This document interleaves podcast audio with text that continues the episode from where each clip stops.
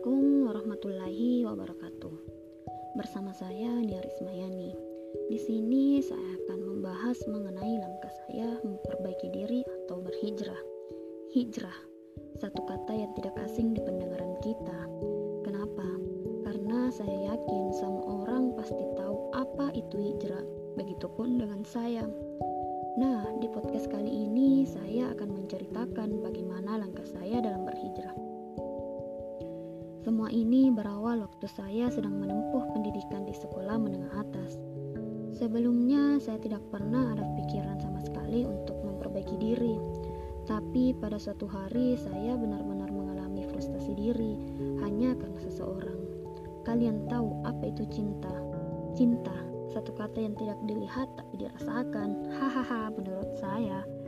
Nah, saat itu saya sedang dekat sama teman SMA saya di mana dia sekolah di kota dan saya sekolah di kampung. Ya, jaraknya lumayan lah, sekitar satu jam dari kampung saya. Setiap hari dia selalu memberi perhatian, ya layaknya orang yang sedang jatuh cinta. Hahaha. Waktu itu kami tidak perlu waktu yang lama saat melakukan pendekatan untuk menjalin sebuah hubungan yang namanya pacaran. Pacaran, satu kata yang indah bagi orang-orang yang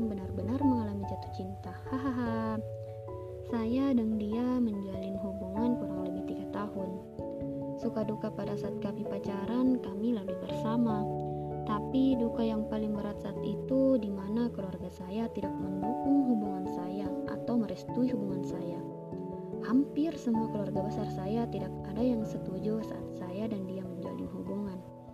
Tapi kita berpikir pasti suatu saat nanti kita akan mendapat restu dari keluarga besar saya. Waktu berjalan tanpa terasa. Saat itu kita sudah lulus SMA dan yang paling menyedihkan lagi kita harus LDR. Lagi-lagi harus LDR. Karena kita berdua beda kampus. Saya melanjutkan pendidikan di Politeknik Negeri Media Kreatif Makassar, sedangkan dia melanjutkan pendidikan di UIN Alauddin Makassar. Semester awal hubungan kita masih baik-baik saja. Ya, meskipun waktu ketemunya hanya satu kali dalam sebulan atau tidak pernah sama sekali. Karena tempat tinggal kita juga sangat jauh. Semester 2 hubungan kita mulai agak renggang. Karena mungkin masing-masing kita sibuk dengan aktivitas kuliah. Mulai dengan komunikasi yang tidak lancar, kepercayaan masing-masing sudah mulai hilang, dan paling parahnya lagi dia menuduh saya dekat dengan teman kampus saya. Saat kita komunikasi, pasti kita hanya berantem dan berantem terus. Ya, pasti semua orang juga akan capek kalau setiap hari harus berantem. Saat itu saya benar-benar pusing. Kenapa harus begini dan begitu?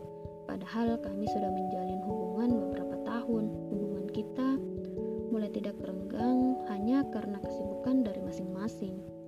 Malam itu saya berpikir, apa ini ya? Tandanya kalau kita memang tidak benar-benar ditakdirkan untuk bersama. Karena pada saat itu restu dari keluarga saya belum ada juga. Malam itu mungkin otak saya bekerja atau sampai di sini saja. Besoknya saya berani memberani, mulai memberanikan diri mengajak dia untuk Ya, tujuannya untuk membicarakan hubungan kita ini yang semakin tidak sehat. Tapi saat itu berpisah adalah jalan yang terbaik untuk kita berdua. Ya, buat apa menjalin hubungan kalau sudah tidak ada kepercayaan lagi? Waktu itu hari di mana itu memang benar-benar hari yang sangat menyedihkan buat saya. Kenapa? Karena kami menjalin hubungan kurang lebih tiga tahun dan harus berakhir dengan perpisahan dan ya, mungkin kata teman lebih cocok untuk kita berdua dibanding dengan pacaran. Saat itu saya benar-benar trauma dengan apa ya pacaran. Tapi entah mengapa, beberapa bulan setelah pisah dari dia, saya masih pacaran dengan satu kampus saya. Meskipun saat itu kata cinta sudah tidak bisa lagi saya percaya, saat itu saya masih sempat pacaran 2-3 kali. Tapi ya, tidak ada yang bertahan lama seperti hubungan saya dengan dia. Tapi sebelum berpisah sama pacar saya yang terakhir, saya sudah berniat jika saya putus dengan dia, insya Allah saya akan mulai memperbaiki diri. Eh, tidak lama setelah berucap seperti itu, saya benar-benar pisah sama dia. setelah putus sama dia, saya benar-benar merenung tentang hidup saya. Yang semakin ke sini semakin jauh dari Allah. Waktu itu saya berpikir, apa karena saya kurang komunikasi ya sama Allah sehingga dia memberikan saya banyak cobaan. Malam itu saya mulai berpikir, saya mulai memperbaiki diri atau hijrah. Saya mulai mencari tahu apa itu hijrah, seperti apa, apa saja yang dilakukan saat hijrah dan sebagainya. Dan semua itu ternyata tidak mudah, tidak seperti apa yang dipikirkan saya. Bahwa ketika kita berpakaian gamis, kita sudah memperbaiki diri atau hijrah. Oh, no. Ternyata itu salah besar.